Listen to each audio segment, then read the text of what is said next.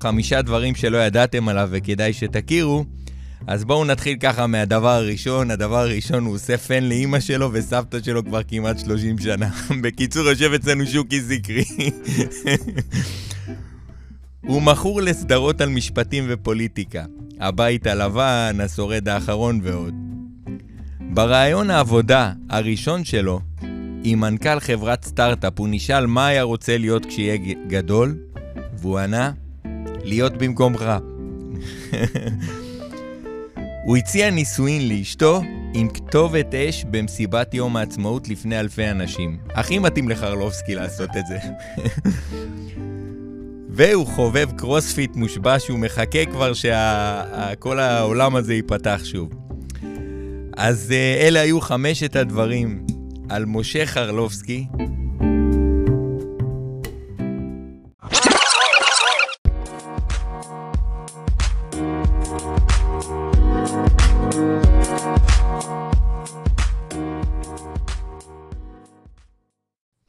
בוקר טוב למאזינים ולצופים, תוכנית השיווק ואסטרטגיה של ישראל, תוכנית מספר 33, התרגשות גדולה, היום יש לנו פה אורח מאוד מאוד מאוד מאוד מאוד מכובד, ותכף אנחנו נתחבר אליו.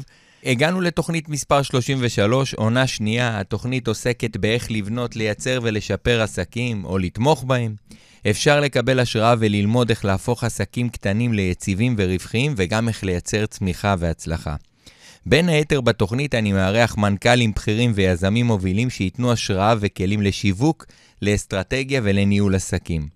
אז היום הזמנתי איש יקר מאוד, שייתן לכולנו המון המון השראה בעשייה שלו, בדרך שלו, בהתנהלות שלו. מישהו, אתם תתאהבו בו אחרי השידור הזה. מי שעדיין לא התאהב בו. והיום אנחנו הולכים לדבר על קשרים ושיתופי פעולה עסקיים.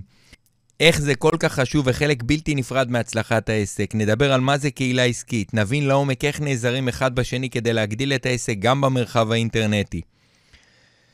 אז בואו נקבל בתוכנית, כמו שאנחנו יודעים, בהרבה אהבה, את משה חרלובסקי, יזם ומנכ"ל Biz Make Biz, ארגון העסקים הגדול ביותר בישראל, ועכשיו גם פלטפורמת Biz Live להעברת הרצאות אונליין, ובית למרצים הכי נחשבים שיש בישראל. אז משה, תן לנו איתות ששומעים אותך. שלום, שלום, בוקר טוב, צהריים טובים עוד מעט. כן, בוקר לאור טוב. כל המאזינים, איזה כיף להיות פה. אושר גדול, אושר גדול, ואני בטוח שבסיום התוכנית הזאת, אה, אנשים יצאו, יצאו מפה עם תובנות, כי אני חושב שמה שעברת בשנה הזאת אה, יעביר לכולנו פה הרבה הרבה תובנות מדהימות. דבר אחד, רק תתקרב למיקרופון שנשמע אותך כל הזמן טוב. כן, אין בעיה.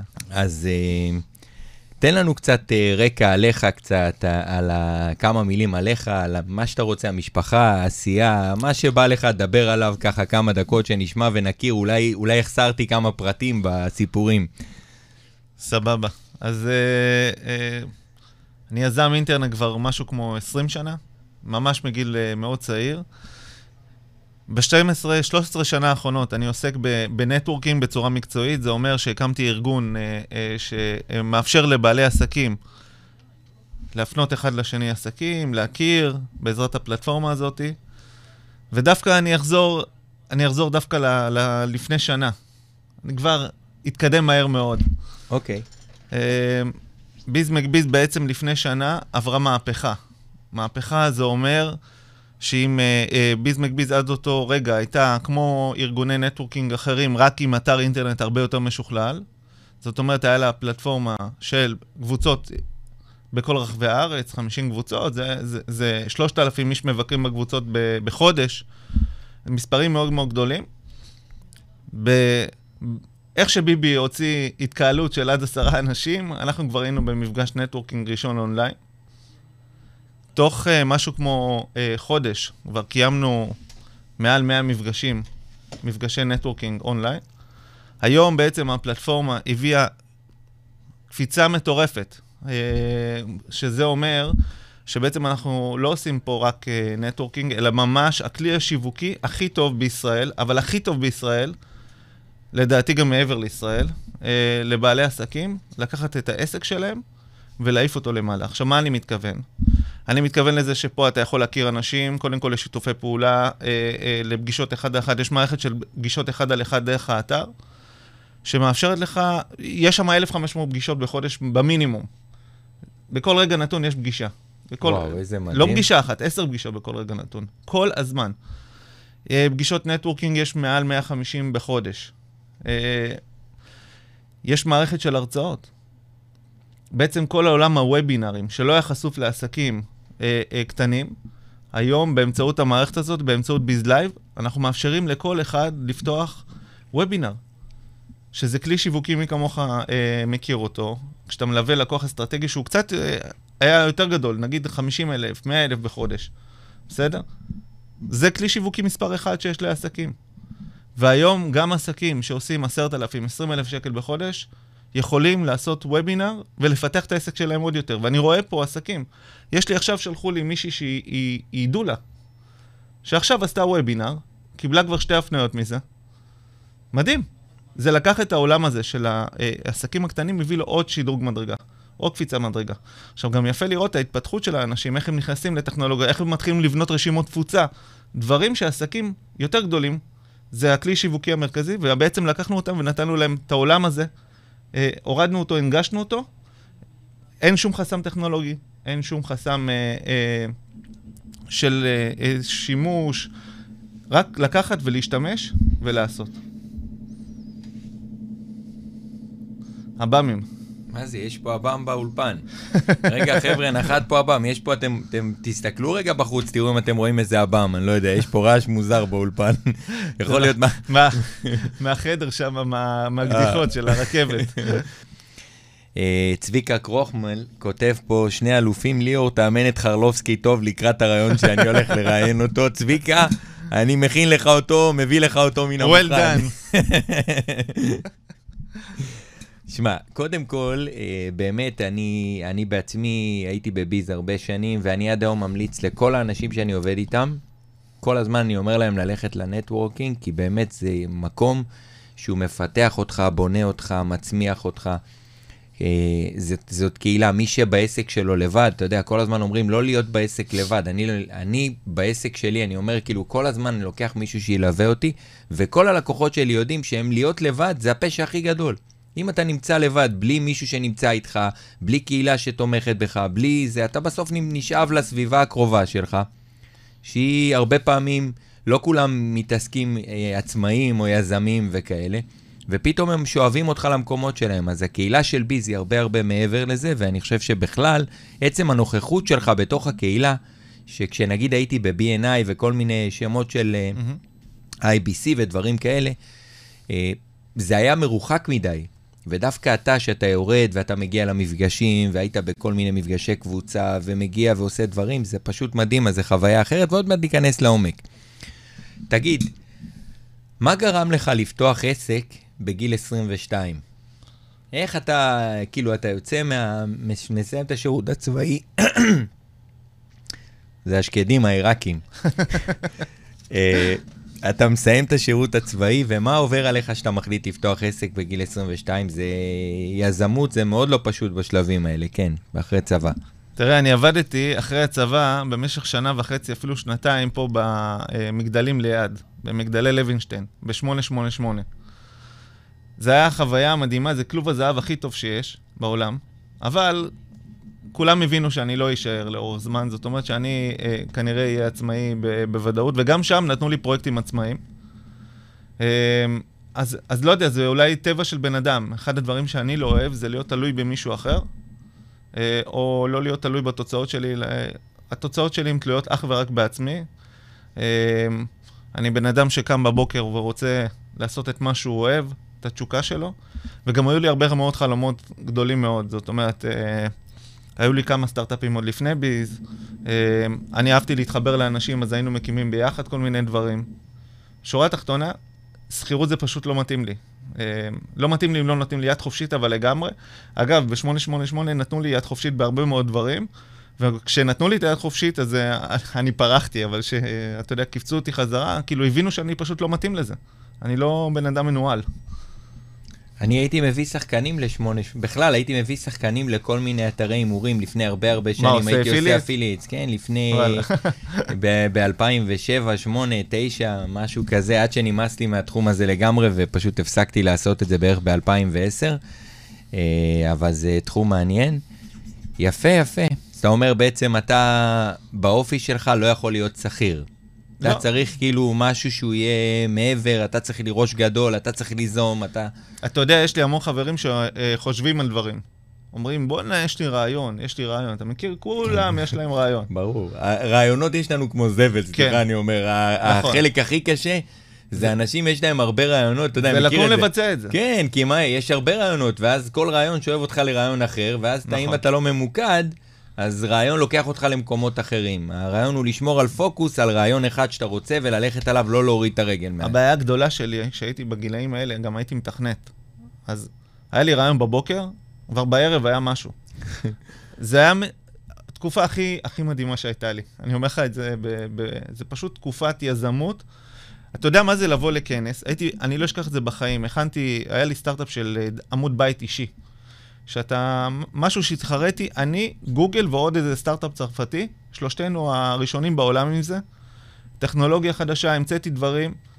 אני הולך פה לכנס של דה מרקר, ואני נמצא בכנס טכנולוגי, ואני רואה, פתאום אני מסתכל על המסכים, אני יושב בשורה בין האחרונות, אני מסתכל על המסכים של הלפטופים מקדימה, ואני רואה כולם עם האתר שלי, שהוא עמוד הבית. איזה יופי. אתה יודע מה זה הדבר הזה, את ההרגשה הזו, אני לא אשכח אותה בחיים. ואני ניגש להוא מהקומה, מה, מה, מהשורה לפניי, שהוא היה עם הלפטופ, אני עושה לו, מה זה האתר הזה? יואו, איזה יופי, מה, מה, מה זה? והוא מתלהב ואומר, כן, תקשיב, המציאו טכנולוגיה חדשה, ואיזה יופי, זה שואב לי את כל הדברים. ואני אומר לו, מה אתה אומר? ו, ואיך איך זה עובד הדבר הזה? ואז אתה, אתה מבין שעשית משהו, שוואלה, כולם משתמשים בו. והוא לי, אלפים, אלפים, אלפים שמשתמשים מ- מישראל, רק פשוט גוגל ו... ועוד הסטארט-אפ הצרפתי הזה גייס תוך uh, כמה שבועות 5 מיליון דולר. אני גייסתי גם uh, לא מעט כסף לדבר הזה, אבל כבר לא יכולתי להתחרות מול ה... אתה רואה, אני עושה משהו, גוגל מעתיקים ממני. כן. כאילו זה ברמות כאלה. ו- ו- וזה נותן לך וואו של מוטיבציה. כאילו אישור, זה אומר לך אישור, כן, אני יודע אישור מה שאתה, אני עושה. שאתה עושה מה שאתה, שאתה יודע מה שאתה עושה, ושאתה, ושאתה טוב במה שאתה עושה, ושכיף לך. תגיד, מי האדם שהכי הרבה השפיע עליך, ובכלל, בכלל בהתפתחות המקצועית שלך, בהתפתחות האישית שלך, שאתה אומר, וואלה, הבן אדם הזה שינה לי את החיים. תראה, יש הרבה חלקים, בכל שלב בחיים יש מישהו שמלווה אותך ו- ונותן לך את הקפיצת דרך. אני יכול להגיד לך שדווקא בן אדם אחד שהכרתי אה, ב-888, הוא היה מנהל מחלקה לא שלי, אלא מחלקה מקבילה, והוא פשוט האמין בי.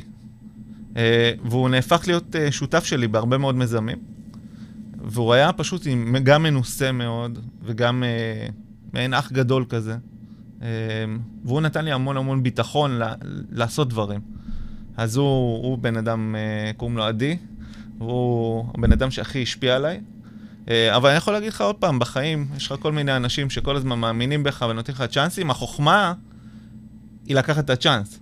אתה מבין? יש הרבה אנשים שיש להם מלא הזדמנויות בחיים, אבל הם לא, כרגע לא מתאים, לא זה, לא זה. מה אתם מבלבלים את המוח? יש לכם, יש לכם הזדמנות, תלכו עליה. לגמרי. כן, אתה יודע, גם אני אומר, בסופו של דבר בחיים אנחנו מתפתחים. תמיד אני אומר, עסק שהוא בשלבים הראשונים, אתה יודע, הוא צריך לגייס לקוחות, ואז הוא מגייס לקוחות, הוא מתחיל, הוא צריך, הוא צריך למכור, ואז הוא משפר את המיומנות מכירה שלו, ואז הוא צריך לספק את הסחורה, משפר את השירות שלו, ואז הוא צריך להביא כסף, ופתאום ככה זה, הכל זה, ואז הוא צריך לחזור לשפר את האסטרטגיה שלו, להעלות את המחירים, לעשות את זה, ואז הכל נהיה יותר... כל, כל הזמן אתה משתנה וכל פעם אתה צריך מישהו אחר שיצמד אליך, אבל באמת, אחד הדברים שרציתי לדעת זה מי הבן אדם שהכי הרבה השפיע עליך. אז אתה אומר, זה היה הבחור ההוא מ-888 עדי, שהוא הראשון שנתן לך את הלגיטימציה לעשות מה שאתה רוצה בעצם. סוג של. הוא פשוט, הוא פשוט הסתכל עליי ב, בגובה העיניים ואמר, אוקיי, אתה, אתה עושה דברים עצמאיים, אני גם עושה. בוא נעשה, בוא נעשה אותם ביחד. ו, והכל בגובה העיניים, ותמיד תמך, והיה ממש אח גדול. כאילו, זה, זה ממש ככה. עד היום אנחנו בקשר מאוד טוב. אוקיי. מה זה נטוורקינג עבורך? אני יכול להגיד לך שכשאני הגעתי לביז מייק ביז, אני הייתי קצת בכל מיני אה, מקומות אח, אחרים, אתה יודע, הייתי בכל מיני חברות אח, אחרות, הייתי, הזמנתי לפה גם, דרך אגב, אורחים מ-B&I, מ-IBC, מכל מקום אחר, ואני תמיד אומר, ביז זה היה משהו אחר. ביז זה היה אה, אה, קהילה שהיא כאילו חברתית, והיא מייצרת גם תוך כדי דברים קורים. כי אני באמת מאמין שאנחנו פועלים לטווח ארוך, אנחנו לא צריכים לפעול רק לטווח הקצר, צריכים גם לטווח הקצר, אבל גם לעשות פעולות לטווח הארוך. אני אומר, networking זה פעולות לטווח הארוך, לא לטווח הקצר. ואנשים, אני רואה עד היום אנשים שהם כבר לא ב Biz Make Biz, אבל הם שואבים מלא מלא לקוחות שהיו ב Biz Make Biz, והם הכירו אותם ב Biz Make Biz, והם כאילו המשיכו הלאה, ואתה יודע, כאילו הם, כאילו הם לא קשורים ל Biz. אבל אני אומר חד משמעית, networking עבורי, זה היה משהו שהוא לטווח רחוק, זה טווח אסטרטגי, אפילו 5-10 שנים, לבנות את מעגל הקשרים שלי, mm-hmm. וזה מאוד משמעותי. איך אתה רואה את העולם הזה של ה networking? קודם כל, קודם כל, ה networking ב Biz הוא באמת שונה, הוא שונה אבל uh, אסטרטגית כבר. בניתי אותו מהשנייה הראשונה שונה. זאת אומרת, אתה לא מתמקד רק בקבוצה שלך, אלא הכל רוחבי, לכל הארץ. Uh, זה networking הרבה הרבה יותר רחב ממקומות אחרים. בסדר? זה קודם כל כאסטרטגיה. דבר שני, יש ב Biz Make Biz משהו שהוא לא קיים במקומות אחרים. אה, זה האפשרות להיות חבר Biz, אה, אבל לא להיות חבר בקבוצה ספציפית. ועדיין ללכת למפגשי networking, שזה משהו שאני קורא לו בית ספר האקסטרני של, ה, אה, של ה networking. האקסטרני של ה networking. זה מיועד לאנשים כמוך. למרות שאני חייב להגיד לך שכשאני הייתי בקבוצה, אני אומר, להיות אקסטרני זה בסדר, אבל אני ממליץ לאנשים שכן ייכנסו לקבוצה, כן יחברו לקבוצה. תקשיב, זה אין ספק, אבל בסופו של דבר, אם בן אדם יש לו משמעת עצמית, והוא מבין ורוצה לעשות נטוורקינג, אה, אה, ולא יודע, לא יודע, לא בא לו עכשיו אה, להיות בקבוצה, כי מכל מיני סיבות, הוא באותו יום בקבוצה של העיר שלו, הוא במצב של... הוא, הוא, הוא לא יכול באותו יום, בסדר? עדיין הוא יכול לקחת חלק בביז ולקחת חלק מאוד מאוד מאוד פעיל. יש המון חברים שהם לא בקבוצה, הם מאוד מאוד מאוד פעילים. מצד שני, אני תמיד ממליץ להיות עם הגרעין הזה שכן מלווה אותך וכן תומך. כמו שאמרת, עסק לא צריך להיות לבד. וקבוצה זה גרעין הכי הכי טוב כדי שעסק לא יהיה לבד. זה אחד. שתיים, נטוורקינג זה בניית מערכות יחסים. עכשיו... ממש. אתה אומר שעדיין פונים אליהם מביס, תאר לך מה היה קורה אם עדיין הם היו ממשיכים להיות חברים בביס. ואני רואה את זה, אני רואה את זה בענק, היה לי כמה, מה זה, יש לי מלא מלא מלא מלא מלא מלא אנשים כאלה. סתם לדוגמה, אם אני עכשיו עורך דין בתחום הנדל"ן, בסדר? ואני באמת הייתי מוביל את התחום הזה בביז. יצאתי, הפער הזה נסגר בתוך uh, חודשיים, שלושה, העסקאות לא יעברו לאותו בן אדם, וגם אם יעברו אליו, זה יהיה עשירית ממה שהוא קיבל. עכשיו, בשביל מה אנחנו בונים בו מערכות יחסים? אנחנו בונים כדי להתחתן איתם. זאת אומרת, כדי לשמר אותם. מה הדבר הכי גרוע בנטוורקינג? שאנשים לא משמרים את המערכות יחסים שהם בנו. וכדי לשמר את זה, אתה חייב לקחת חלק. האסטרטגיה הכי, הכי לא טובה זה לבוא, לעשות את זה אה, שנה, שנתיים, לצאת. אחר כך לבוא, עוד שנה, שנתיים לצאת. זה לא, זה צריך להיות לאורך זמן, אבל מה הבעיה של אנשים? הם עושים את זה ב-200 אחוז, לא ב-100 אחוז. אוקיי? זאת אומרת, אם נגיד המאה אחוז שלך זה לעשות ביקור בקבוצה פעם בחודש, ולעשות כמה מפגשי נטוורקינג אה, אחד על אחד, נגיד בחודש, אתה תבוא ותגיד, לא, זה לא מספיק, אני אעשה שלוש פעמים בשבוע, ארבע פעמים uh, בשבוע מפגשי אחד אחד, ואז אתה תישרף מהר מאוד. זה כמו כושר, אתה כמו כל דבר בחיים. אתה יודע, אנשים, אנשים אומרים, אני אעשה ספורט. הוא יוצא, רץ, אתה רואה אותם, אני רואה בפארק איך אנשים עוקפים אותי, ועכשיו אני בריצות, אתה יודע, בריצות איטיות, יש לי רגעים שאני רץ ממש לאט. Mm-hmm. בשביל לחזק את עצמי, ואתה רואה אנשים שעוקפים אותי בטיל, אתה רואה נשים שהן צולעות וזה, ורצות כאילו, ואתה אומר, הם נפצעים, אחרי זה חודשיים אחרי, אתה רואה אותם לא זזים יותר. נכון. כאילו, זה בדיוק העניין עם networking, וזה בדיוק בפייסבוק, ואני כל הזמן, יש לי לקוחות אה, גם מ Biz Make Biz, שאני בתקשורת איתם, ואחד הדברים שאני אומר להם, זה תתמקדו בערוץ אחד. עד שאתם בונים אותו, עד שהערוץ הזה הופך להיות יציב, ואתם מבחינתי, זה, זה system. אם אתה הולך למפגש, מפגש בשבוע, אתה שם, אתה לא זז משם מילימטר. Mm-hmm. זה לא משנה, אם אתה פותח עכשיו עוד ערוץ בפייסבוק, אין לי בעיה.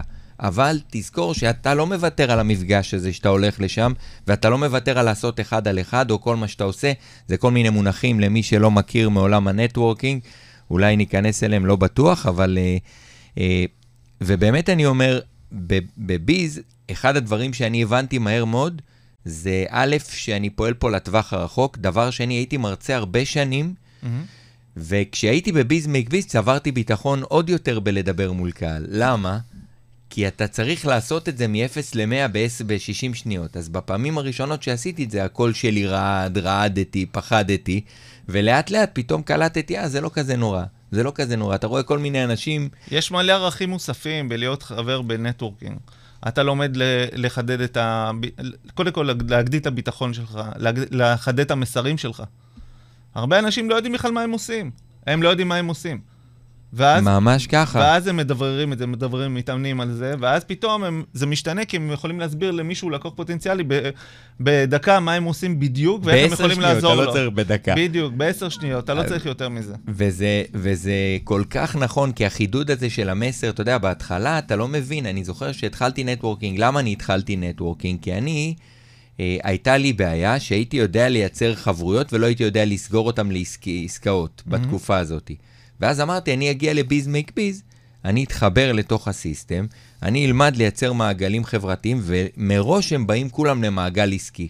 ואז מתוך המקום הזה אני אלמד להמיר אותם לעסקים. ואז באמת, אני יכול להגיד לך שהרבה דברים שלמדתי מהנטוורקינג, זה למשל, היום אני אין מקום שלא, אני בשכונה שלי, אני בוועד של, ה, של העירייה, של הבית ספר, mm-hmm. של כל מקום אני נמצא. כי אני יודע שזה משפיע בסופו של דבר, כי כל מקום שאתה נמצא, אתה לא צריך לשווק. הטעות היא שאנשים מנסים לדחוף קדימה. אין מה לדחוף, תהיה שם, רק תהיה. רק תהיה נוכח, אתה לא צריך גם לא משנה מה תגיד. אני, יש לי, יש לי טיפ אגב לגבי הדבר הזה. יאללה, אני, ממך אנחנו רוצים לך, טיפים. יש לך, אתה נמצא ב, אה, בפגישה, בסדר? המטרה שלך היא להפוך את הבן אדם למשווק שלך, בסדר? אם אתה תתחיל למכור, אז אתה תשיג את הדבר הכי קטן, אבל אם אתה תהפוך אותו למשווק שלך, קודם כל אם הוא צריך, הוא יקנה, נכון? עכשיו, אתה יודע איך הופכים בן אדם למשווק שלך? על ידי נתינה. לגמרי. והקשבה. אחד הדברים שאתה צריך לעשות זה לשבת ולהקשיב באמת לבן אדם. עכשיו, אם אתה מקשיב, מי שולט בשיחה? אתה. אתה שומע, ברור, אתה שומע. כי אתה יודע איך להיכנס לעולם שלו, ואיך הוא יכול להיכנס לעולם שלך, אוקיי? זה, אנשים לא מבינים, הם מה הם מחפשים כל הזמן? רוצים כסף עכשיו, הוא בא, לי, בא, לי, בא לסחוט, הוא בא לצוד. הוא בא במוד של ציד, לא במוד של חקלאות. אני, זה אני... הפאק הכי משמעותי. לגמרי, לגמרי. ויש עוד דבר, זה שתמיד כשאנחנו מדברים, מה אנחנו מחכים? מה אנחנו מחכים? להגיד, גם אני. נכון, אין לך סבלנות. אין לך, אתה יודע, אנחנו מקשיבים עם הפה. אני תמיד אומר. נכון. מקשיבים עם הפה, אתה מחכה כבר להגיד את המסר שלך. זה מטורף. וזה הבעיה. וזה השיח, אגב, לא רק בישראל, הוא, הוא בעולם, בגלל שאנחנו חיה שכל הזמן מחפשת רק איך לבלוט ואיך לדבר ואיך... היא כל הזמן משקפת לעצמה איך זה משפיע על העולם שלה ואיך... זהו, אנחנו צריכים להפסיק. אנחנו צריכים פשוט לשבת, להקשיב לאנשים, לשאול את השאלות הנכונות, ואז תראה איך העולם הזה משתנה, במיוחד מבחינה עסקית, כי אז אני אדע מה אני יכול לחבר אליך, מה אני יכול לקבל ממך, ואנשים צריכים להבין שבשנייה שהם מדברים, הם חלשים. בשנייה שהם מקשיבים, הם חזקים. זה התובנה העיקרית שאנשים, אני, אני אשמח אם ייקחו מפה. אה, אני רוצה שתגיד לנו ככה, תן לנו טיפ, כמה טיפים לשיתופי פעולה. קח איזה שלוש דקות לטיפים לשיתופי פעולה. אני איתך, אני פשוט רוצה להשתיק את הרעש בחוץ. סבבה. אז בואו אני אתן לכם כמה טיפים לשיתופי פעולה. קודם כל, שיתוף פעולה צריך להיות עם אנשים שבאים לכם טוב ככה בבטן. זאת אומרת, אנשים שאתם מרגישים שבא לכם לשתף איתם פעולה.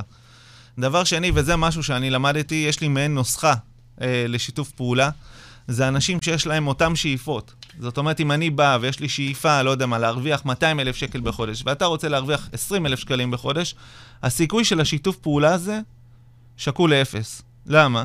כי אם נרצה עכשיו להקים קמפיין ביחד, אתה תשים 2,000 שקלים, אני רוצה לשים 20 אלף שקלים. אז ממש. נגמר השיתוף פעולה. Uh, צריך להיות לנו אותם שאיפות, צריך להיות לנו אותם קשרים.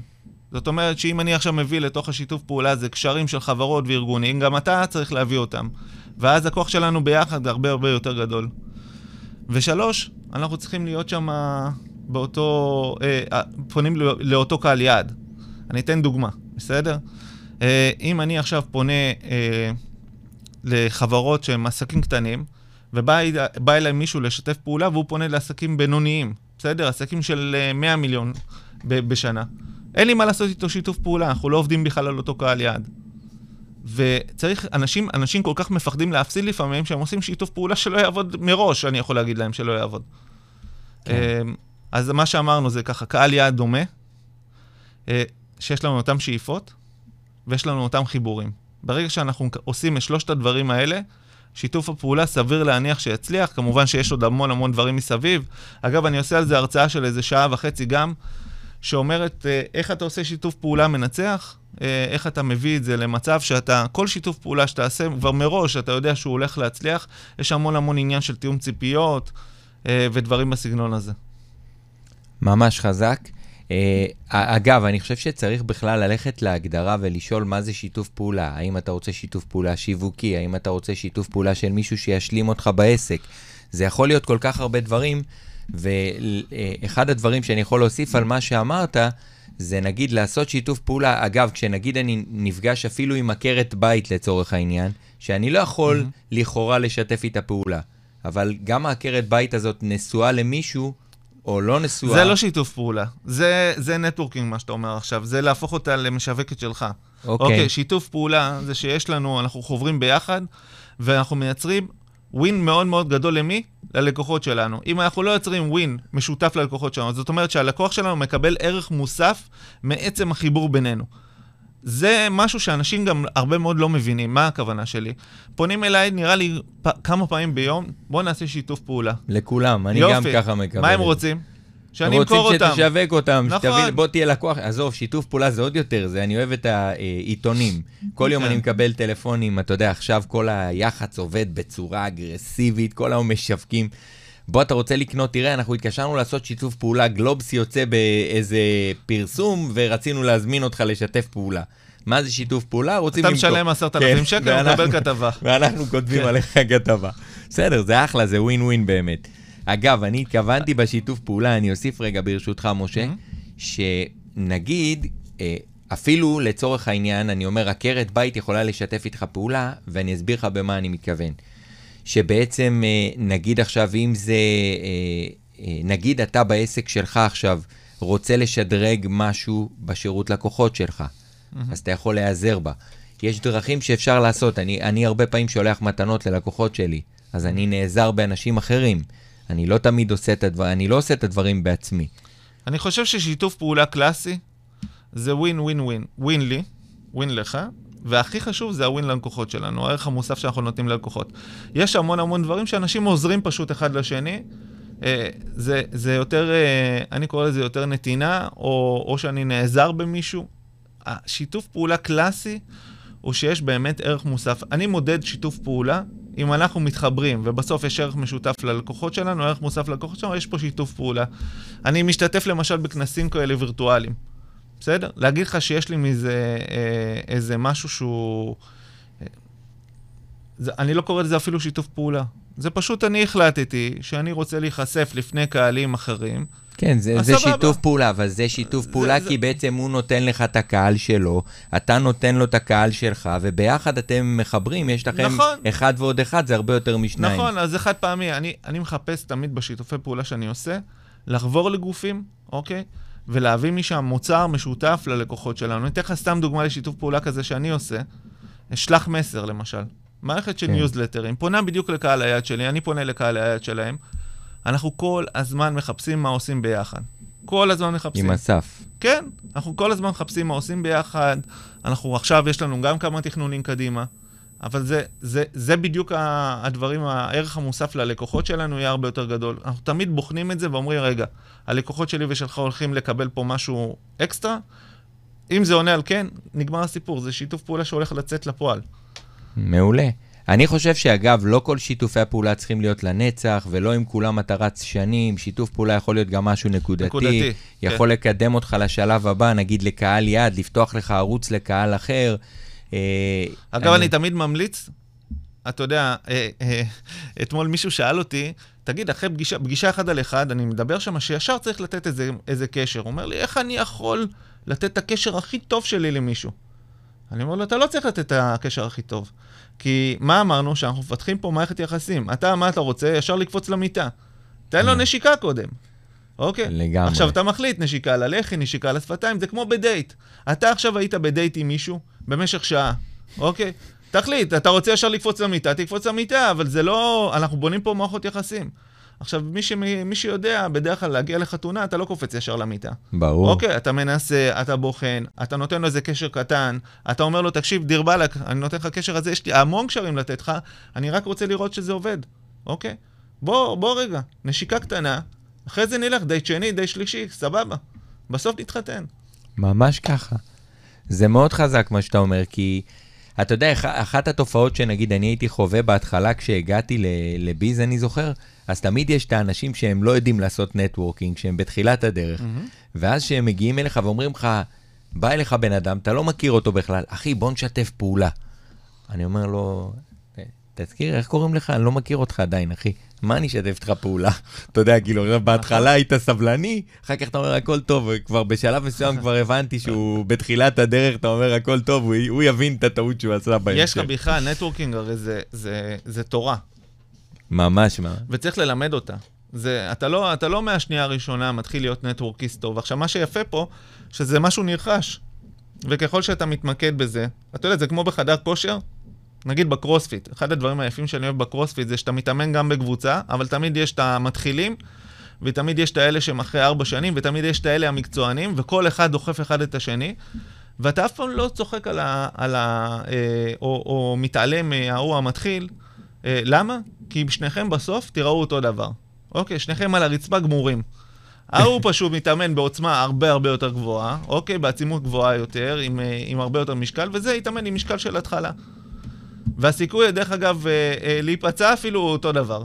אוקיי, זה כי הוא לא יודע טכניקה, זה כי הוא העמיס עליו יותר מדי. כי האגו שלו פעל. אז- נכון מאוד. אני תמיד, איך הייתי דוחף את עצמי, אגב, בקרוספיט, אתה יודע? וזה, אגב, אני עושה את זה בהמון המון דברים, גם בעסקים וגם בכל מיני דברים. מתחבר עם מישהו בטח. אני לוקח את ההוא המתחיל שבא ביום, יומיים הראשונים שלו, אומר לו, אומר למאמן, אני אלווה אותו, אוקיי? עכשיו כבר עשיתי את זה אחרי שכבר אני הייתי כמה שנים, כן? לא מהשנייה הראשונה שלי שם. אני אלווה אותו. אני גם זכרתי את החוויה שלי כשמישהו ליווה אותי. היה תמיד איזה מישהו אחד כזה, נשמה טהורה, שהיה בא מתאמן. עכשיו, שתבין, גם זה יכול לגרום לכיוון שני. אני הייתי שם חצי שנה, לקחו כמה, כנראה, כל האלה שמתאמנים כבר כמה שנים, חיות, אוקיי? אמרו, ניקח את חרלובסקי, נדחוף אותו. התעלפתי בחנייה. גם וואלה. לפעמים לא צריך לדחוף יותר מדי. נכון, נכון. אוקיי? אה, הייתי לוקח אותו ומלווה אותו, עכשיו זה היה דוחף אותי, אני, הוא היה בא אליי בסוף, תודה, תודה, אני אומר לו, על מה תודה? אני צריך להגיד לך תודה, דחפת אותי. עכשיו, אחד הדברים שאני עשיתי בקורונה, ליאור, וזה משהו שבאמת, אני, אני מציע אותו לכל עסק. פשוט לעזור לאנשים אחרים.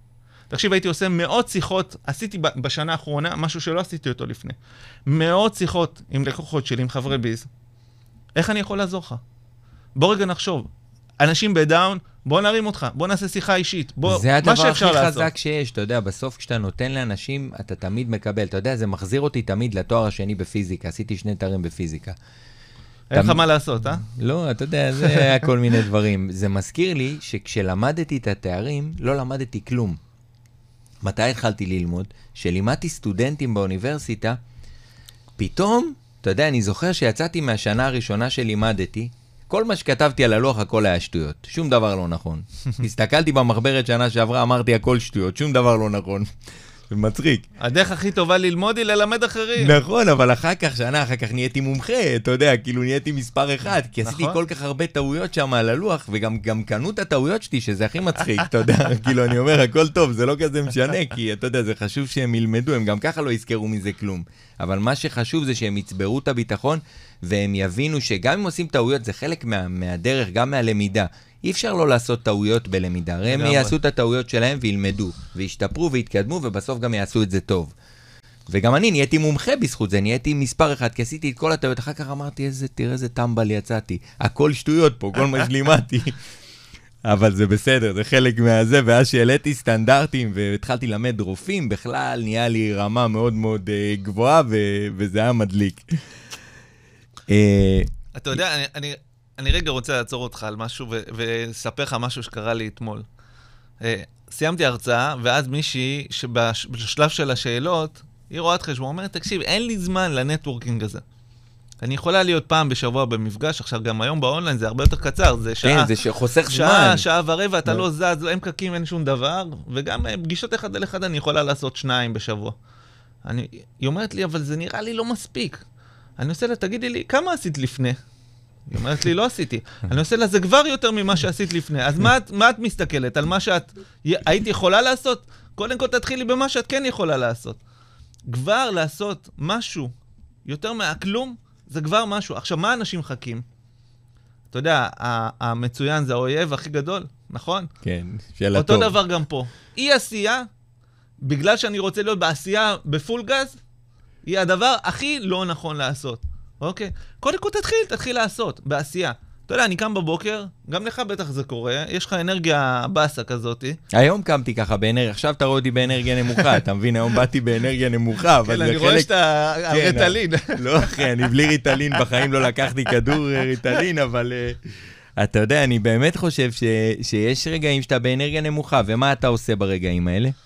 מתחיל לעשות. תקשיב, אני בא, פותח הרצאה, הולך, חושב, מתקשר לאנשים, בוא אני אעזור לך. תקשיב, אני באטרף. אני, למה אני, אני מכניס את זה? אני מכריח את עצמי להיות באטרף. למה? בגלל שאני מבין שהדבר הזה, זה הדבר היחיד שהוציא אותי מהאנרגיה הבאסה הזאת. ואני אומר לך, וואלה, אני לא אשכח, היה איזה קטע ב- ב- ב- בסגר הראשון שהיינו, שהייתי עם הבנק, אתה יודע, אמרתי, מה יהיה? אה, אתה יודע, אתה לא יודע לאן אתה הולך. אמרתי, אוקיי, ניקח הלוואה מהמדינה, לכל, ליתר ביטחון. והבנק מסרב לך. מטורף. והבנק נותן לחבר שלי שיש לו עסק, כאילו, הוא מתקשר אליו, בוא תיקח כסף. אני אומר, תגידו, מה, אתם משוגעים?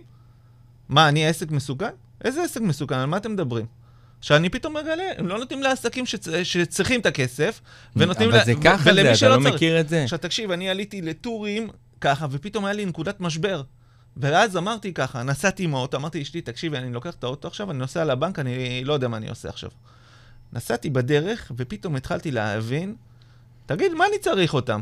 אני לא באמת בבעיה, זה סתם ליתר ביטחון. כן, זה כאילו החרדות ממה יהיה היחיד- קדימה. כל הזמן כן. החרדות, ה- הלחץ הזה של וואי, אם עכשיו פתאום יקרה משהו, אם פתאום זה יעצור, אתה מתחיל להילחץ רק מהמחשבות. החלטתי להפסיק את המסע הזה, אוקיי? בשנייה שאתה מחליט, ואמרתי, אוקיי, עכשיו מה אני עושה? מפסיק קודם כל את, ה... את המחשבות האלה, קוטע אותם בשנייה אחת. אין בנק יותר, לא מעניין אותי הבנק. שילכו לעזאזל, לא מעניין אותי. הדבר היחיד שעכשיו מעניין אותי זה מי? חברי ביז. איך אני נותן להם ערך מעכשיו, מעיף אותם למעלה. אתה מבין? ומאותו רגע, הכל השתנה. האנרגיה שלי הייתה ב... ב... אני בכלל לא, לא, לא ראיתי שום דבר. עבדתי 17 שעות ביום בלעזור לאנשים אחרים. לא עניין אותי לא כסף, לא שום דבר. עכשיו, תשאל אותי, בסופו של יום, הקורונה נעשתה, עשתה פלאים לביז. למה היא עשתה פלאים לביז? אוקיי, אחד, הגשמתי את כל החלומות שלי שמה, וגם הרגשתי שאני נותן לחברי ביז משהו שוואלה, החזיק אותם מעל המים. ויותר מזה. אני יכול להגיד לך שיש לי לקוחות מביז, שממש אה, אחד הערוצים העיקריים שלהם זה ביז מייק ביז. אני אומר לך, כאילו, הם, כל העסק שלהם, כמעט כל השיווק שלהם בנוי על ביז מייק ביז. אז זה ככה אחד. דבר שני, דפנה הרמוני המקסימה פה. איי, כיף לשמוע, אחרי נתינה שווה קבלה, וכותבים לך מספר אחד, משה חרלובסקי. אז משה האלוף, וזה. כן, אין, משה הוא תותח, ובאמת מספר אחד, ואין כמו משה, ובאמת מרגישים את הנתינה ואת האכפתיות שלך. ואני רוצה להגיד לך שאחד הדברים שבאמת גם אני למדתי, שכשאני, אני יכול להגיד לך, אני רק באחרונה, לאחרונה ראיתי שנגיד אני באתגרים עם, עם הבת שלי, ואתה יודע, והילדים, הבת שלי לא יצאה מהבית כבר חצי שנה. אמרתי, מה אני עושה? עוזר לעוד הורים. הלכתי, הכנתי, שלחתי הודעה בשכונות, בקבוצות שלי, למי אני יכול לתת עכשיו ספרים של ג'ושה פרוש, עם זה, זה, זה, אתה יודע. ישר הוצאתי מעטפות עם שטיחים, אחי, הוצאתי איזה 1,500 שקל רק על, אה, על משלוחים. אני אומר לך, שלחתי לעשרות של אנשים את הספר במתנה, עם דפים, עם עבים, חוברות, עם זה, הכל, כאילו, אמרתי, אני... אלוף. בקטע של כאילו, אני מבין, זה לא קטע כלכלי. אתה מבין שזה עולה לי זה, אבל אני אומר, עצם זה ששלחתי את זה, אתה יודע, וקיבלתי תודות מאנשים, זה לא התודות, זה הרגשה שאני יודע מה זה מצוקה עכשיו, אני יודע מה זה להיות עם שני ילדים שמשגעים אותך, והם לא הולכים לבתי ספר, וסגרים, וסיפורים. ואתה אומר, הדרך זה הכי? טובה... זה מה זה אתה, מה שעכשיו סיפרת, זה אתה. בן אדם של... זה, מה שעשית עכשיו, באמת, אני, אני פה עוד שנייה... זה, זה פשוט מרגש. ה, ה, זה בדיוק הנתינה שאנשים היו צריכים ב, בתקופה הזאת, ופשוט שאפו ענק. אחי, זה, אתה יודע, אנחנו לא סתם אנחנו אה, אה, נפגשים ואנחנו אה, חברים, ואתה אחד האנשים שאני באמת באמת יותר מעריך אותו ואני מחזיק ממנו, כי אני יודע שזה אתה 100%. כל מה שאתה עושה, כל מה שאתה קם בבוקר ומניע אותך, זה איך חברי ביז יהיה להם יותר טוב, איך הם יצליחו יותר, איך אתה תעזור להם לצמוח בעסק. וזה מה שמניע אותך כל בוקר, אני יודע את זה, כי אני רואה מה אתה עושה, אני רואה את האכפתיות שלך, אני זוכר שהיית מגיע למפגשים, ואתה דוחף את כולם, וכל מי שביקש ממך עזרה בחיים לא קיבל ממך לא. ובגלל זה זה המקום שמגיע לך ושמח, אני הכי שמח בעולם ואין ראוי ממך, שביז מייק ביז יהיה מקום מספר אחד לנטוורקינג. אני רוצה ו... לחשוף פה משהו שלא חשפתי אותו. אוקיי. בסדר? תחשוף. אנחנו יום ראשון אה, העלינו גרסה שמאפשרת לכל ישראלי בעולם להירשם לביז מקביז. בעצם החזון של ביז, הוא כתוב שם, יוצרים עולם עסקים חדש, אבל בעצם לא התייחסנו למילה, איזה מילה? עולם. עולם. ועכשיו שמנו עיגול מעל העולם הזה, כאילו, הקפנו את העולם, ואנחנו הולכים לכבוש פה, אוקיי? לתת לישראלים להיות החיסון שלהם לקורונה הזאת, ובכלל בעולם העסקים, לחבר בין העסקים ישראלים בכל העולם. איזה יופי. יהיה ביז מקביז של ישראלים בלוס אנג'לס, ובפריז, ובלונדון. אני אספר לך עוד משהו. אתמול אה, אה, הקמנו קבוצה שהיא בשלב הקמה עכשיו. אתה יודע באיזה שעה? נו. תן, תן, תן שעה. מה, שלוש בבוקר, אתה... 12 בלילה. אוקיי. אוקיי? למה אנחנו עושים את זה? עכשיו, זה אחד הדברים שאני גם מציע לאנשים. תפסיקו להיות מקובעים לכל מיני... אה, תעשו דברים. בא אליי מישהו מביז, צבי קוראים לו, בחור מקסים, מדהים, היה עכשיו בלונדון, ארבעה חודשים שלחו אותו, אה, הזמינו אותו שם להרצות להם. אמר לי, תקשיב, כשהייתי בלונדון, יש לי חלום. החלום שלי זה לפתוח קבוצה ב-12 בלילה. אני ציפור לילה, עכשיו גם אני ככה. אני, אין, אין יום נראה לי שאני ישן לפני 3, 2 בלילה. אוקיי. Okay. אוקיי? Okay? ופתאום התחילו להיכנס לביז חברים מלוס אנג'לס, סן דייגו, אה, אה, מאמסטרדם יש לי חבר היום. איזה יופי. כן, עכשיו, אתה יודע, זה רק הטפטוף הראשוני. ואמרתי, רגע, אני צריך לתת להם מענה, ההוא מלוס אנג'לס, אה, הוא ב-12 בלילה, זה ההתחלה שלו. והנה, אנחנו הולכים לפתוח קבוצה ראשונה, ב-12 בלילה, מפגשים פעם בשבוע, 12 בלילה, ציפורי לילה יקראו לקבוצה הזאת. איזה יופי, זה מדהים. וזה, מה... וזה, הנה, אנחנו מתחילים להניע. עכשיו, אתם זוכרים שדיברתי על עשייה? זה הדבר, להתחיל לעשות צעדים ולהתחיל להגיד לעולם, שם אני רוצה להיות. אני לקחתי את היוצרים עולם עסקים חדש, סימנתי בעיגול את העולם והחלטתי שזאת המטרה עכשיו. לקחת ישראלים בכל העולם. תחשוב שאתה נמצא עכשיו במפגש נטוורקינג עם אנשים מפריז, מלונדון, מלוס אנג'לס, מכל מיני מקומות בעולם, ממקסיקו. זה מדהים, זה... ואתה יכול לעשות איתם עסקים, אתה יכול ללוות, אתה יכול ללוות אסטרטגיה. כן, מישהו אני... במקסיקו. אני כבר היום מלווה אנשים מהעולם, ואני יכול להגיד לך שזה מאוד מאוד uh, חזק העניין הזה, ו- וזה כלי פשוט שהוא כבר, uh, אתה יודע, מה שנקרא It's about time, כבר הזומים, אני הייתי עושה זומים כבר לפני שלוש שנים, כבר הייתי עושה שיחות עם אנשים מ- מכל מיני מקומות, אם זה מלונדון ומקפריסין ומארצות הברית. ממש, היו לי שיחות מטורפות, ו- וזה דבר חזק, ואני שמח. שהעולם הזה נפתח גם בביז, ובכלל שכל הישראלים יכולים לייצר נטוורקינג אחד עם השני, זה תמיד תמיד טוב, כי אנחנו מעצמה. אנחנו מעצמה, ואנחנו צריכים לנצל את הכוח שלנו כ- כעם סגולה. מה קרה פה, ליאור, בכלל בעולם בשנה האחרונה? היה פה משהו של מהפכה דיגיטלית, אבל היה בעיקר חינוך שוק. הרי הזום וכל הדברים, שום דבר טכנולוגי לא קרה פה.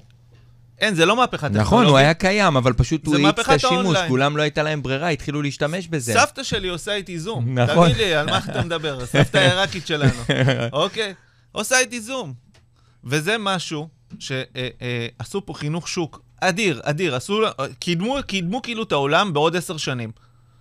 וזה דברים, אני הייתי, אתה יודע, היה לי צילום, עשיתי ישיבת אה, רכזים בזום. לפני הקורונה. ראיתי במקרה, את הצילום הזה, נראה לי. במקרה צילמתי את הישיבה הזאת. זה היה שנה לפני הקורונה, אני חושב. משהו כמו חצי שנה, שנה. ואתה רואה איך הישיבה הזאת התנהלה? קטסטרופה, קטסטרופה. היום אני עושה איתם פגישה, תקשיב, זה הדבר הכי כיפי בעולם. יותר טוב, יותר טוב מהפרונטלי, למה? יש חוקים. הם כולם עושים השטק שהם לא אה, מדברים, הם, כל אחד מחכה לתורו. תרבות דיבור פתאום נהיה, אתה יודע, נהיה, זה כאילו... נהיה תרבות זום. עכשיו הם מתורגלים. גם אני, אתה יודע, נכנס להרצאה, בוא, אוקיי, מתחילה הרצאה, כולם עושים מה שטק, טק, טק, טק. אתה, אתה, אתה בכלל לא דואג לזה. ויש פה משהו שהעולם התחנך, ומי שלא לוקח את הדבר הזה ומביא את זה לעסק שלו, תקשיב, הוא, הוא, הוא פשוט, אני לא אגיד ייכחד, בסדר? הוא מפספס פה קהל יעד אדיר, והעולם נמצא שם. העולם נמצא בזה שאין יותר גבולות, העולם נמצא בזה שאין יותר אה, אה, מחסומים. אה, אם יש לך עוד שפה, מי אמר שעכשיו אתה לא יכול לעבוד ב, ב, במדינות יעד שמדברות השפה שלך? אתה יודע, אני רואה, יש לי איזה אה, עורכת דין חדשה בביז, שהולכת לפתוח קבוצה לדוברי אנגלית. היא מדברת גם צרפתית, גם אנגלית ברמת שפתיהם וגם עברית. אתה יודע מה זה הקהל יעד שלה? מדהים, זה כאילו הכל יכול להיות. אין לה גבולות, היא יכולה גבולות. לפרוץ את כל הגבולות. כן, תראה, אני גם חושב שזה, שזה כלי חזק מאוד. הנה, ורד פה, היא מתעסקת ביפן.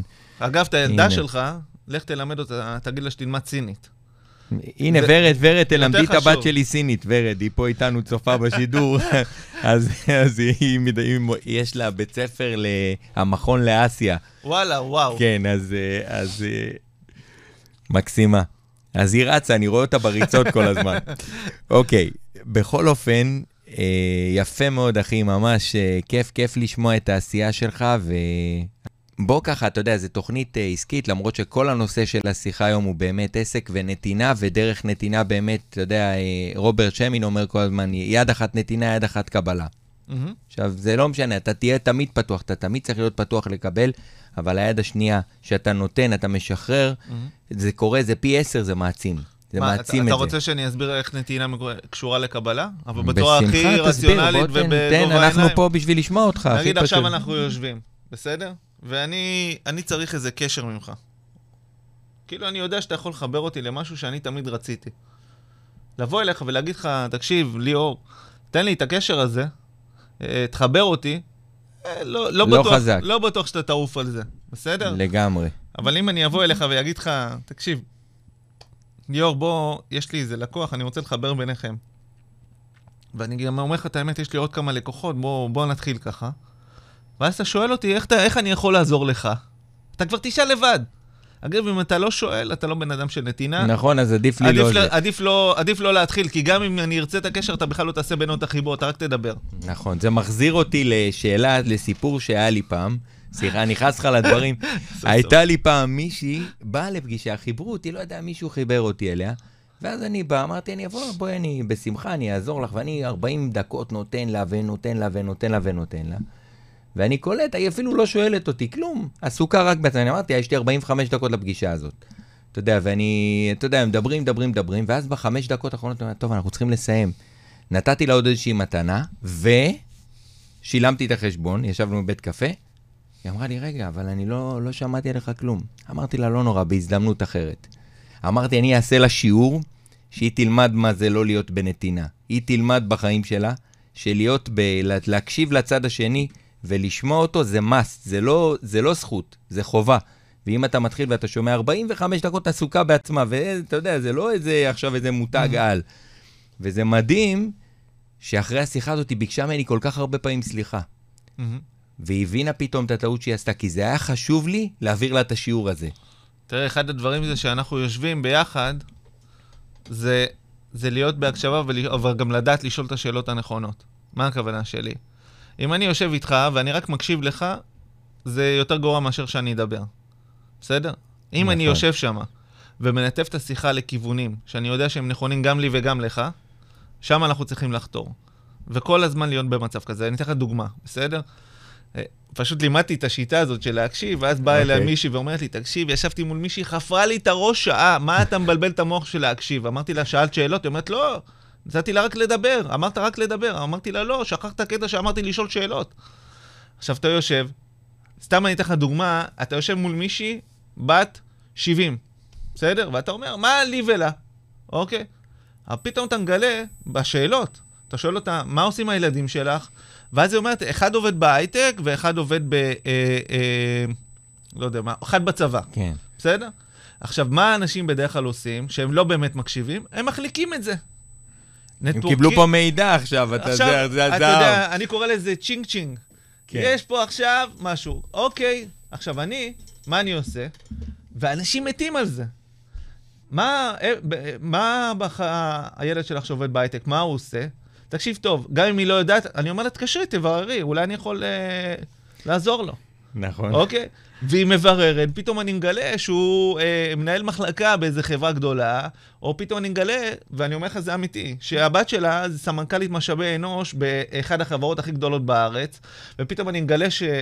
בקיצור, שורה תחתונה, אני אפילו יודע בשיחה, אני יודע מה הילדה שלה לא רק עושה, כמה היא פעילה בגן של הילדים שלה, אוקיי, של הנכדים שלה. אני שואל אותה, באיזה גילאים הנכדים שלך? אוקיי? כמה נכדים יש לך? באיזה גילאים הם? עכשיו, למה המידע הזה חשוב? המידע הזה חשוב כי אני רוצה לדעת, אם אני עכשיו מחפש קשרים למערכת החינוך, פתאום אני מגלה שהילדה שלה היא יו"ר הנהגת הורים. אני מגלה שהיא, היא, היא, לא יודע מה, היא גננת בעצמה, בסדר? עכשיו, אני אתן לך עוד דוגמה. נגיד אני מגלה שאתה, יש לך במשפחה גננת. אני לא מחפש, מבקש ממך קשר לגננת. כדי, למה? כי בראש, גם אתה וגם היא תחשבו מה אני הולך למכור לכם. נכון. אוקיי? מה אני אומר לך? תכיר לי את האחיינית שלך שהיא גננת, אני רוצה שתכיר לי עוד גננות. הבנת? אני הופך אותה למשווקת.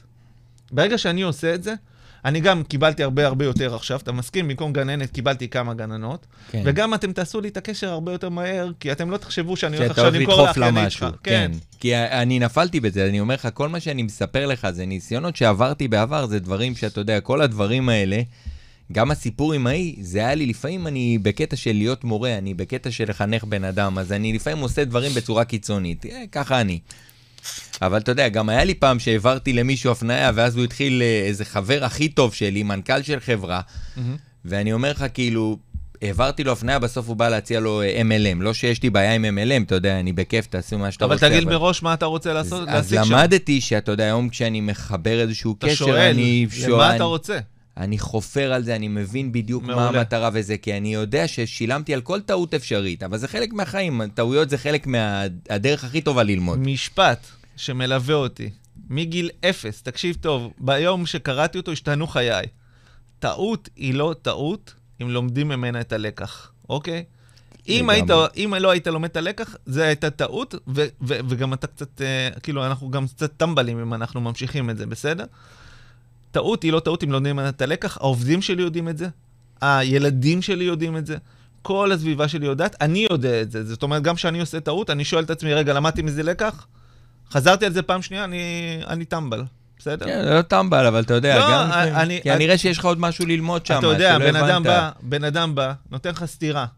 מה אתה עושה? אתה מגיש לו את הלחי השנייה? לא, אתה לומד שאתה לא צריך להתקרב אליו, בסדר? אתה לא כן. צריך להתקרב אליו. עכשיו, אם את עוד פעם התקרבת, מה אתה מצפה? שההתנהגות שלו תהיה שונה? היא לא תהיה שונה. בסדר? לגמרי. כן, כן, אני אומר שוב, זה מסוג הדברים שאתה לומד אותם, ולפעמים גם השיעור שלך הוא הרבה יותר מטעות אחת. לפעמים אתה צריך לעשות כמה טעויות, כמה טעויות עשית בעסק שלך, אין ספור טעויות. אין ספור טעויות. אתה מבין, זה חלק מהמשחק. אני לא מתייחס גם- אליהם כאל טעויות, אני, מלמד, אני מתייחס אליהם כלקחים. אתה יודע שהשקיעו בי מאות אלפי דולרים, תוך שבוע הכסף הזה הלך. אוקיי? הלך, פשוט רימו אותי. אוקיי? למה? למה? אבל לא, לא ישבתי על זה, לא התאבלתי על זה לשנייה. בפעם הבאה שמישהו השקיע בי, לקחתי את כל הלקחים האלה, יישמתי אותם. אוקיי? אמרתי, לא, זה לא התנאים, אני רוצה את הכסף פה, אני רוצה את הכסף פה, אני לא מכניס אותו לתוך החברה. כל מיני כאלה דברים שלמדתי מההשקעה הזאת. אז השכר לימוד שלי היה 200 אלף דולר, בסדר? כן. כן, כן, זה, זה חלק מהמשחק. תגיד, אה, אה, אני שם רגע שיר, אני עושה רגע בדיקה, ואז אני ככה עוד איזה 20 דקות אנחנו נמשוך את הזמן, כי אני דווקא, אני מרגיש שבא לי לשמוע ממך עוד קצת. יאללה, בכיף. אוקיי, אז שיר קצר, מה שבחרת, ואנחנו... אה, תשימו לב לזמרת הזאת, נוגה ארז. אחד המדהימות, אני שומע אותה עכשיו, אני, אני גם, אה, תכף אני אספר על איך אנחנו עובדים היום, וזה זה אחד ה... אני מכור לשירים, לשירים שלה, נוגה ארז, תעקבו אחריה ב... יאללה, יוטיוב. אנחנו רושמים נוגה ארז ורצים קדימה. אז אה, תשמע, משה, דיברנו על נטוורקינג, דיברנו על, אה, אה, דיברנו על ההתחלה שלך. אני מעניין אותי ככה כבעל עסק, אתה יודע, בן אדם שכבר ניסה והתנסה ובנה ארגון, זה מאוד לא פשוט לבנות ארגון, בטח לא נטוורקינג, אתה יודע שאנשים הרבה פעמים כל הזמן מקבלים הצעות בוא לפה, בוא לשם, בוא לפה, בוא לשם. זה מאוד מאוד קשה לבנות ארגון, ואני חושב שבגלל שאתה מנהיג אמיתי, אתה מצליח לשמור על הארגון הזה ככה. מדהים כזה, ומשפחה, ואת הדבק, ואת המקום הזה של נתינה, ואת הצמיחה של כל המקום הזה ביחד. ואותי מעניין לדעת, מה לדעתך הכי חשוב בבניית עסק? זו שאלה... כן, שאלה הכי חשוב, ענקית. נכון, שאלה, שאלה ענקית. מה שהכי חשוב, מה שעולה לך, זה הדבר שהכי חשוב כנראה עכשיו, נגיד מה שיעלה לך, אבל אני אומר בכללי. כי בנית משהו, בנית עסק, לא בנית רק... תקשיב, אה, זה, מה שאני חושב זה קודם כל לא להתרחק מהלקוחות שלך. לא להתרחק מהם. זאת אומרת, להיות תמיד בגובה העיניים. אה, אני מסתכל על, ה, על הלקוחות שלי כשותפים שלי, אוקיי? המטרה שלי היום, שכל חבר ביז ימליץ על ביז כאילו זה ביז שלו, אוקיי?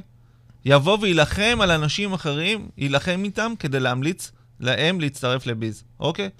שהוא ישמע שמישהו לא חבר בביז, הוא יישב עליו עד מתי שהוא יגיד לו, תקשיב, אני, זה הדבר, והוא יגיד לו, הוא לא יגיד לו את זה כי הוא יוצא לו מזה משהו, לא יוצא לו מזה כלום. אבל כן. מה ש, יש משהו שכן יוצא לו.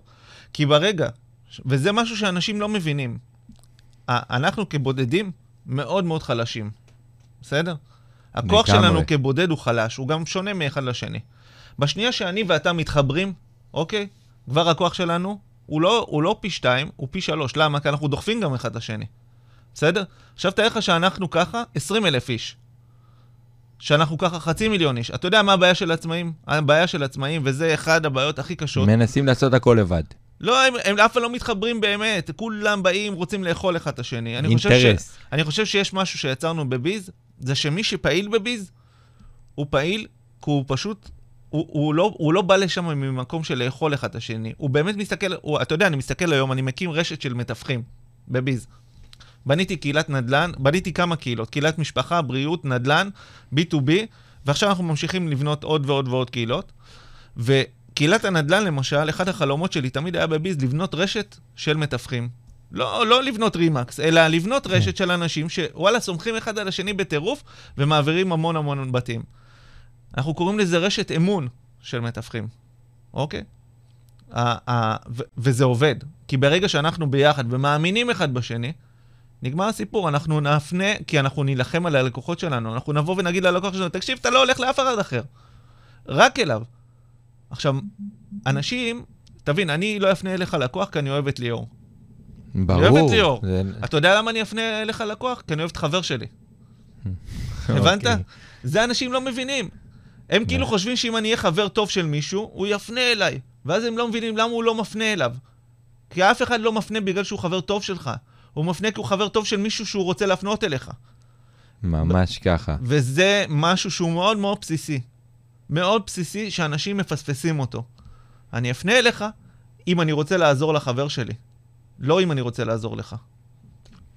זה, אתה יודע, יש לי לקוחות שהם כל הזמן ממליצים עליי, מפרגנים, אתה יודע, סוגרים לי עסקאות, אשכרה סוגרים לי עסקאות. זה מדהים אותי ש, שדברים, אתה יודע, שאנשים עושים את המלחמה עליך, וזה נורא כיף, כי זה לא מדהים, כי אני עושה את המלחמה בשביל אנשים אחרים, זה...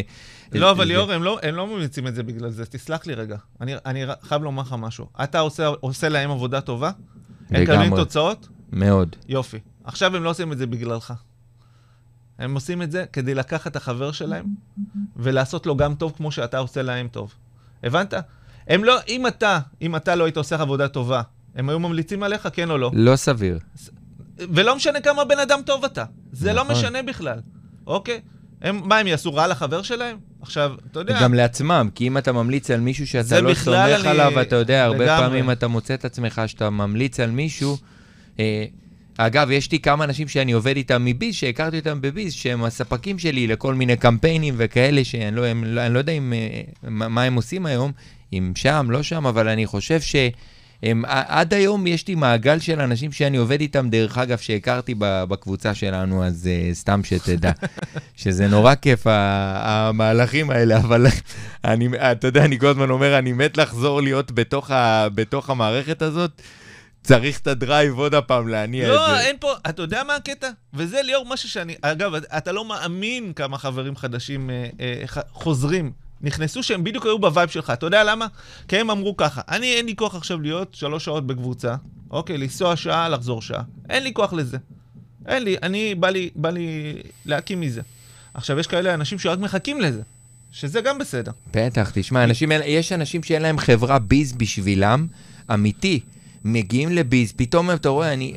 לא מזמן מישהו פנה אליי, קנה את הקורס שלי, אתה יודע, והוא אה, השאיר את הזה, ו- ומפה לשם הבן אדם, אני קולט שהוא בעצם אין לו חברים, הוא נמצא לבד בחיים שלו, ואתה יודע, ואתה אומר, אמרתי לו, תשמע, אתה חייב איזה מקום, איזה קבוצה, איזה קהילה, איזה משהו. אתה יודע, זה מדהים אותי שכמה כמה ביזו פלטפורמה, אפרופו אמרת, אנשים מחכים לשלוש שעות, יש כאלה שמחכים לזה, כי, כי זה בית, זה חברים, זה משפחה, זה אנשים שהם עושים איתם דברים יש ביחד. גם אנשים שבאים לידי ביטוי בפיזי הרבה יותר טוב מאשר באונליין. ויש אנשים, הרבה מאוד אנשים, שבאים באונליין ב- לביטוי הרבה יותר טוב מהפיזי. אתה למשל אחד כזה, אוקיי? אני באונליין קשה לי, אתה יודע, תחשוב אני, אתה מכיר אותי במפגשי Biz, מה הייתי עושה, איזה בלאגן הייתי עושה, אני צריך תנועה, אני צריך לצחוק, לעשות בלאגן, להיכנס למישהו בזום כל רגע, אני אפריע אתה, לו. אתה, אתה, תקשיב. אתם רוצים לראות איך אני גורם לליאור לפתוח קבוצת אונליין? אבל אני לא אעשה לך את זה. תקשיב, אחד הדברים, אחד הדברים שקורים זה שיש המון אנשים שהם עסקים גדולים, אוקיי? באים, חוזרים, עושים הרצאות, נכנסים למפגשי נטוורקינג. יש המון חברים מארגונים אחרים שמצטרפים. הם, הם, הם עדיין שם, אבל הם עושים אצלנו למשל הרצאות, או, או כן, ממשיכים ומגדילים את הרשת שלהם. אחד הדברים שמשגעים אותי, משגעים אותי. אני... זה למה להיות מוגבל ל networking מאוד מאוד מצומצם. ה networking שלך צריך להיות רחב. כמה, מה, מה המטרה ב networking? זה להכיר כמה שיותר אנשים ולרתום אותם לחזון שלך. להרחיב מעגלים. לה- להרחיב מעגלים. אגב, אני אגיד לך מה הצמצום, נגיד, ב... שוב, זה לא בקטע שאנחנו לא עושים שם רע לאיזה משהו אחר. פה כל השיחה היא חיובית. כל אני בעד, תעשו networking, זה לא קשור אצל מי, תעשו networking. עכשיו אני רוצה להגיד לך, אחד, נגיד, אחת הבעיות שראיתי בארגונים אחרים, זה שכולם משווקים פנימה, לתוך הקבוצה. ובביז מייק ביז, מה שיפה זה שכולם משווקים החוצה. לא, אני אתן לך את הדוגמה. אני אתן לך את הדוגמה כן. הכי טובה שמסבירה בדיוק את האג'נדה של ביז, לעומת, לעומת מקומות אחרים, בסדר? כן. הפלטפורמה של ההרצאות שלנו, היא יכלה להיות פנימית. היא התחילה כפנימית. אגב, אני אספר לך משהו, אנקדוטה, איך זה, איך זה נפתח החוצה. שלחתי את התוכניה של ההרצאות, שלחתי אותה בקבוצה של המשפחה. וחמותי אמרה, אני רוצה להשתתף באחד ההרצאות. וואי, איזה הרצאות מדהימות, אני רוצה להשתתף. ואני לא חשבתי שצריך בכלל לפתוח את זה החוצה. שזה הכי לא מתאים לי. ואז אמרתי לחמותי, תקשיבי, ירד לי בדיוק האסימון, אתה מכיר את הרגעים כן. האלה? עכשיו, השאלה מה אתה עושה עם הרגעים האלה, אוקיי? אני עם הרגעים האלה פניתי עוד עסק. איזה הבנת? יופי. או הרחבתי את העסק שלי, בטירוף. עכשיו, נתתי גם לאנשים משהו. זה מערכת ההרצאות היחידה, שהיא בעצם פתוחה החוצה, הקמתי לה פלטפורמה בכלל נפרדת רק ללקוחות הקצה. אתה מבין? ו- כן, וזה האיחוד פה. האיחוד פה הוא שאני לא מגביל אותך לשלוח הפניות רק לחברי הקבוצה שלך, או להיות רק בקבוצה שלך, אלא אני אומר לך, תקשיב, גם אם אתה שולח הפניה למישהו, אל תשלח אותה לבן אדם אחד, תשלח אותה לשניים שלושה, למה? אתה גם עוזר להם.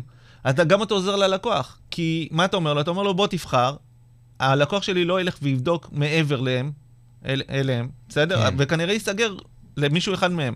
נכון. המון המון פעמים זה רק, לא תלוי רק ב... ב, ב תלוי באנרגיה בתקשורת, באנרגיה, בכל כך הרבה פרמטרים, שזה לאו דברים. דווקא רק אה, זה. כן. תגיד, אז לסיכום, כי לא, אני לא הבנתי עד הסוף, כאילו אני מבחינתי באמת, אחד הדברים שחשוב לי, כי גם אחרי זה אני מסכם את הפודקאסט הזה, ואני עושה מזה פודקאסט, ואני עושה סיכום בהמשך, ואני הולך לעשות עם זה כל מיני דברים מעניינים, ואחד הדברים שחשוב לי להבין בסופו של דבר, אז מה הדבר הכי חשוב בבניית עסק אצלך? בבניית עסק זה, זה אה, ללמוד ולתקן, אוקיי? אוקיי. להיות, רגע, בוא נתחיל ככה. אתה עושה, אתה מבין מה היו ה- ה- הדברים הטובים והלא טובים, ומתקן את הלא טובים. בסדר? מפיק לקחים. זה בעצם הדבר שיניע את העסק שלך. וכל הזמן לחזור על זה, כל הזמן לחזור על זה. אה, אגב, הייתי ב, אה, ב, אצל אלכס פטרשק וניר מקובסקי. כן, אוקיי. חמודים. כן, הייתי אצלם בסדנה. אלכס שם מלמד איך לעשות תוכנית עסקית, בחיים שלי לא ראיתי משהו אה, כל כך קל. אז הוא אומר לך כל רבעון, אתה נותן יעדים. הגעת ליעדים, סבבה. לא הגעת ליעדים, תתקן, תגיע ליעדים הבאים. אוקיי? אני עובד בעסק שלי ככה, מ- מהשנייה הראשונה שהוא קם, שם את מה שאני רוצה להגיע אליו, המטרה, אבל זה, זה לא קשור רק למטרות, זה גם אה, קשור, אני לא יודע מה, אני רוצה עכשיו לעשות עשרה שיתופי פעולה החודש.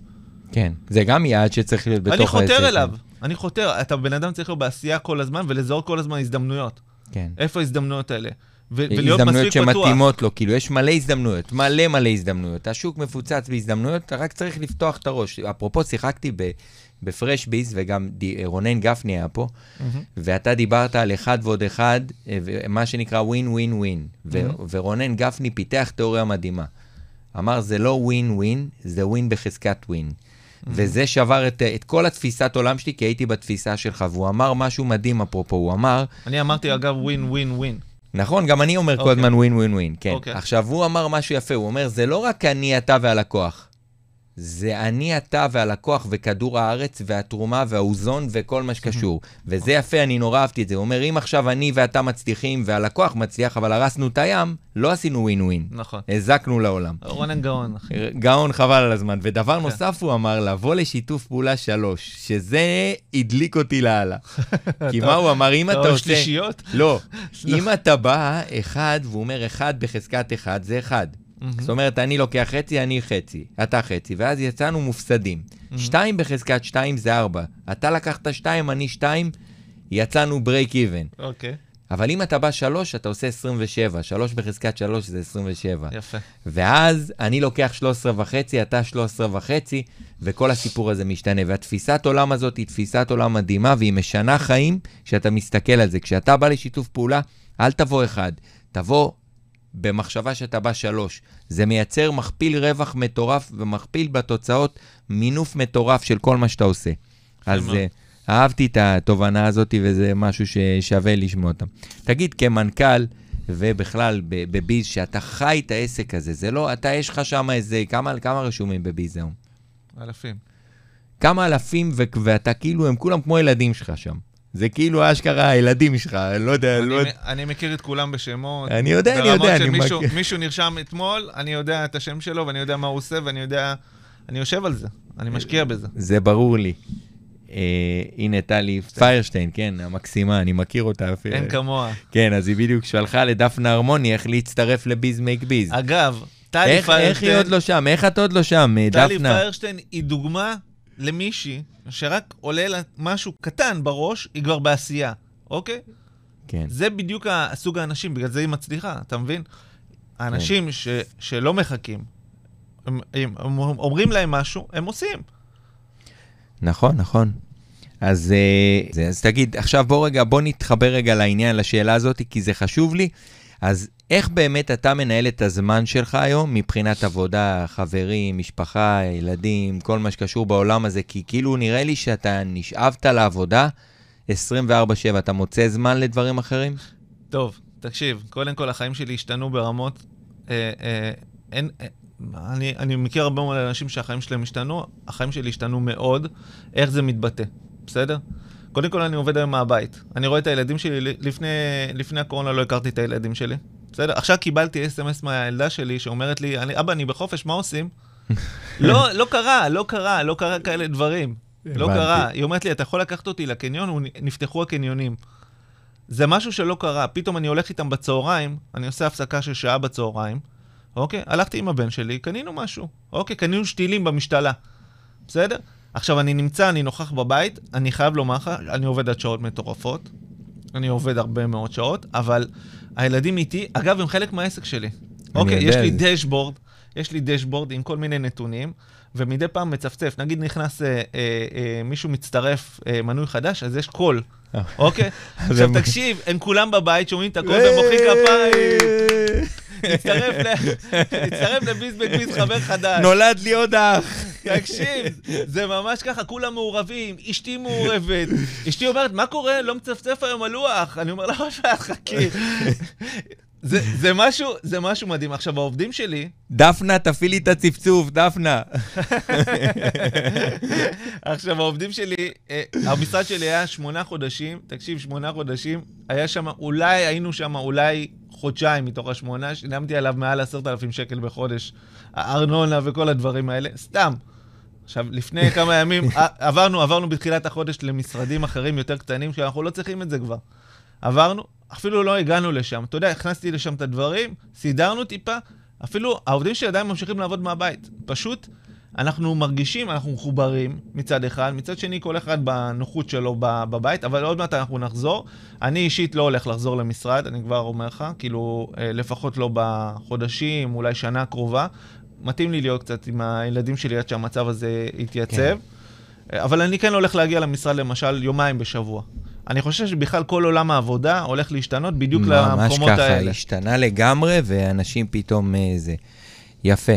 תגיד, אז אה, דיברנו על איך השנה האחרונה השפיעה עליך ומה למדת ממנה, דיברנו דווקא על העניין של ביז שפעלת יפה, אבל בוא תן לנו באנקדוטה אחת ככה, באמת, מה אתה לוקח משנת הקורונה הזאת שהייתה, מהרגע הזה שאתה יושב, ואני זוכר שאתה כתבת איזשהו פוסט, שאתה, לדעתי זה היה אחרי מה שהיה לך עם הבנק, כי היית עצבני ומתוסכל וזה, ו- ופתאום משהו קרה. מה קרה שם פתאום בתהליך הזה? מה...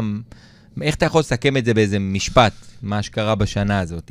אחד הדברים שמחזיקים אותי מעל פני המים זה ההבנה שהעסק שלי הוא חשוב והוא מאוד משמעותי. מה זה? מה זה צפצוף? תכף נסביר מה זה צפצוף עוד הפעם, כן. אה, ההבנה, ההבנה שהעסק שלי הוא לא משמעותי בשבילי, הוא משמעותי בשביל עוד אלפי עסקים, אוקיי? היה, היה קטע שהחזרתי את העובדים אחרי חל"ת. Uh, תחשוב שבהתחלה, בסגר הראשון, אני עשיתי את הכל בביז לבד, הם כולם היו בחל"ת. חוץ מהמפתח שלי, שהוא הכי הצעיר, אוקיי? אני והוא היחידים שעבדנו בחברה. עכשיו, הוא מפתח, והוא עבד סביב השעון, כי פיתחנו המון המון דברים. לא היה לי לא שירות לקוחות, לא מכירות, לא שום דבר. אני עשיתי הכל לבד. בסדר? זה מטורף, זה עבודה של שבעה אנשים היה לי. אבל היו הרבה אנשים בביז, ראיתי שכולם ככה התנדבו אה, ונרתמו לעזוב. רגע, זה הקטע, כן. זה אוקיי. הקטע, אוקיי? ואז באו אנשים ואמרו, תקשיב, אנחנו איתך, מה צריך? פתאום, יש לי אנשים מדהימים, ש... היה לי, יש לי, יש לי אה, אה, טכנאים מחשבים, בסדר? אה, שחר שומרת, הוא בונה אתרים, והוא גם אה, אה, טכנאי מחשב, הוא, הוא, כל מי שבהתחלה היה לו בעיה עם המצלמה, ב, ב, בזום, בוא'נה, הוא היה נכנס לו למחשב, מסדר לו את המצלמה בזמן המפגש. איזה יופי. תחשוב, היה לו ככה מאות, אני לא מגזים, מאות. עכשיו, הצטרפו אליו עוד טכנאי מחשבים, שהבינו שעכשיו נקראים לדגל. עכשיו, אותם אנשים שעזרו באותה תקופה, והיו בשביל אותם אנשים, אוקיי? ואני חייב לומר לך, הרכזים, הרכזות אצלי היום, כולם נרתמו למהלך הזה, וגם אנשים שלא חשבתי, אוקיי? שהם לא, לא בעלי תפקיד, אלא אה, אנשים שנמצאים שם, וחברי ביז, ופתאום לקחו את קדמת הבמה. ו, וזה מדהים לראות את זה. פתאום אנשים עוזרים לי לארגן את ההרצאות, פתאום אנשים... בואנה, ביום שישי אני מבקש מאנשים, בואו תעזרו לי באיזה משהו ב, ב, בתוכניה של ההרצאות, תוך דקה. תוך דקה. גרפיקאית שלקחה את התוכניה הראשונה, עינת וייסבן, ולקחה ועשתה את הגרפיקה של זה. תקשיב, ישבה על זה ימים. כשקל היא לא קיבלה על זה. בסדר? מדהים. כולם נרתמו. אני רוצה לשלם לה, היא לא רוצה בכלל. זה מה שנקרא קהילה, שאתה יודע, איך אומר uh, טוני רובינס? Life supports what supports life. אתה מבין? זה כאילו באמת ככה, אתה בסוף אנשים, הם, אתה תורם להם, הם תורמים לך, כולם תורמים פה אחד לשני, זה, זה, זה אקו סיסטם אחד גדול כזה, שהוא בעצם מייצר משהו מדהים. Uh, דפנה, אה, דפנה, דפנה הרמוני, אגב, אה, פעם, כי יש לי בלוג על מאיר אריאל, ויש לי תמונה שהיא נתנה לי של, אה, של, של, שלה עם מאיר אריאל, אחת הזמרות הכי מדהימות ש, שהיו פה בישראל. אני מאוד מאוד אוהב אותך. אז uh, הצפצוף זה שאצל uh, אצל משה בבית, כשיש מישהו שמצטרף לביז מייק ביז, אז הילדים וכל הבית מקבל צפצוף. זה כאילו צפצוף, נולד לכם אח חדש למשפחה. זה הצפצוף. זה כמו, זה בדיוק כמו בבית חולים. ככה, נולד ילד חדש במשפחה. אז uh, זהו, uh, יפה. אז מה, בואו ככה אנחנו מתכנסים לסגירה, ספר לנו מה, מה החלומות שלך, משה, מה היית רוצה שיקרה, תזרוק ככה, תעוף, תעוף, אחי, אנחנו פה איתך עפים ביחד. יאללה, החלום שלי, וזה חלום מאוד מאוד ברור. אגב, אם יש לכם חלום, שהוא יהיה מאוד מאוד ברור. החלום שלי הוא שיהיו ישראלים בכל העולם, שיעשו עסקים, שיהיו, יתפרנסו הרבה יותר טוב בעזרת ביז מקביז, אה, שיעשו הרצאות דרך הפלטפורמה, שיפגשו פגישות נטוורקינג, פתאום שיהיו בשתיים בלילה, שתהיה פעילות בביז בזמן ישראל, כשאנשים מלונדון ומפריז ומלוס אנג'לס, וגם אנשים של ציפורי לילה בישראל, מתחברים אליהם, ועושים דברים שיועצת הורים, אה, אה, יועצת להורים, תעשה ייעוץ להורים בלוס אנג'לס כתוצאה מ networking, אוקיי? זה החזון שלי, ושאנשים כמוך ועוד אנשים טובים שנמצאים ב Biz, אבל לא פעילים בה ברמה של היום-יום, יחזרו להיות פעילים, כי יבינו שזה הפלטפורמה השיווקית הכי טובה, הכי טובה, ואני חותם על זה, ואני אומר את זה מתוך הבטן, אני מקווה שאתה מרגיש את זה, הכי טובה שיש היום במדינת ישראל ובעולם לשיווק של עסקים עצמאיים. זהו. מדהים. אז בואו ניתן כפיים לחרלובסקי, אפשר לתת לו גם לבבות. איזה מלך. אני ככה רוצה להגיד לך אה, תודה רבה שהשתתפת בתוכנית, היה לי מאוד מאוד כיף. אתה יודע לי. כמה אני אוהב רבה. אותך וכמה אתה מבחינתי חבר יקר ובן אדם שאני רואה בו מודל לחיקוי ובאמת מודל לאכפתיות ומודל לנתינה ולהשראה ול, ולשיתופיות. ו... והנה, וממש ממש היה לי כיף שהיית פה. אני הולך לסיים את התוכנית, אז ככה כמה מילים שלי לקראת uh, סיום. Uh, אז אני קודם כל רוצה לסיים בתודה לנועה הראל, שהיא נמצאת בפורטוגל, המפיקה שלנו של התוכנית מקסימה. תודה על ההכנה לשידור. לעוז מזרחי, מנהל התחנה, ואני רוצה להגיד לכם תודה רבה שהאזנתם וצפיתם בתוכנית השיווק והאסטרטגיה של ישראל, לסלול את הדרך ללקוח הבא. אז היום זה היה משה חרלובסקי, מומחה לנטוורקינג ושיווק באינטרנט, יזם בנשמתו, בעלים ומנכ"ל של ביז מייק ביז, ארגון העסקים הגדול ביותר בישראל. מקווה שאהבתם את השידור וקיבלתם השראה, שיהיה לכם יום מקסים ו... נשתמע בשידור הבא עם אורחים אחרים ועם אנרגיה אחרת. ויאללה, אני שם את הסגיר של התוכנית ונפרדים.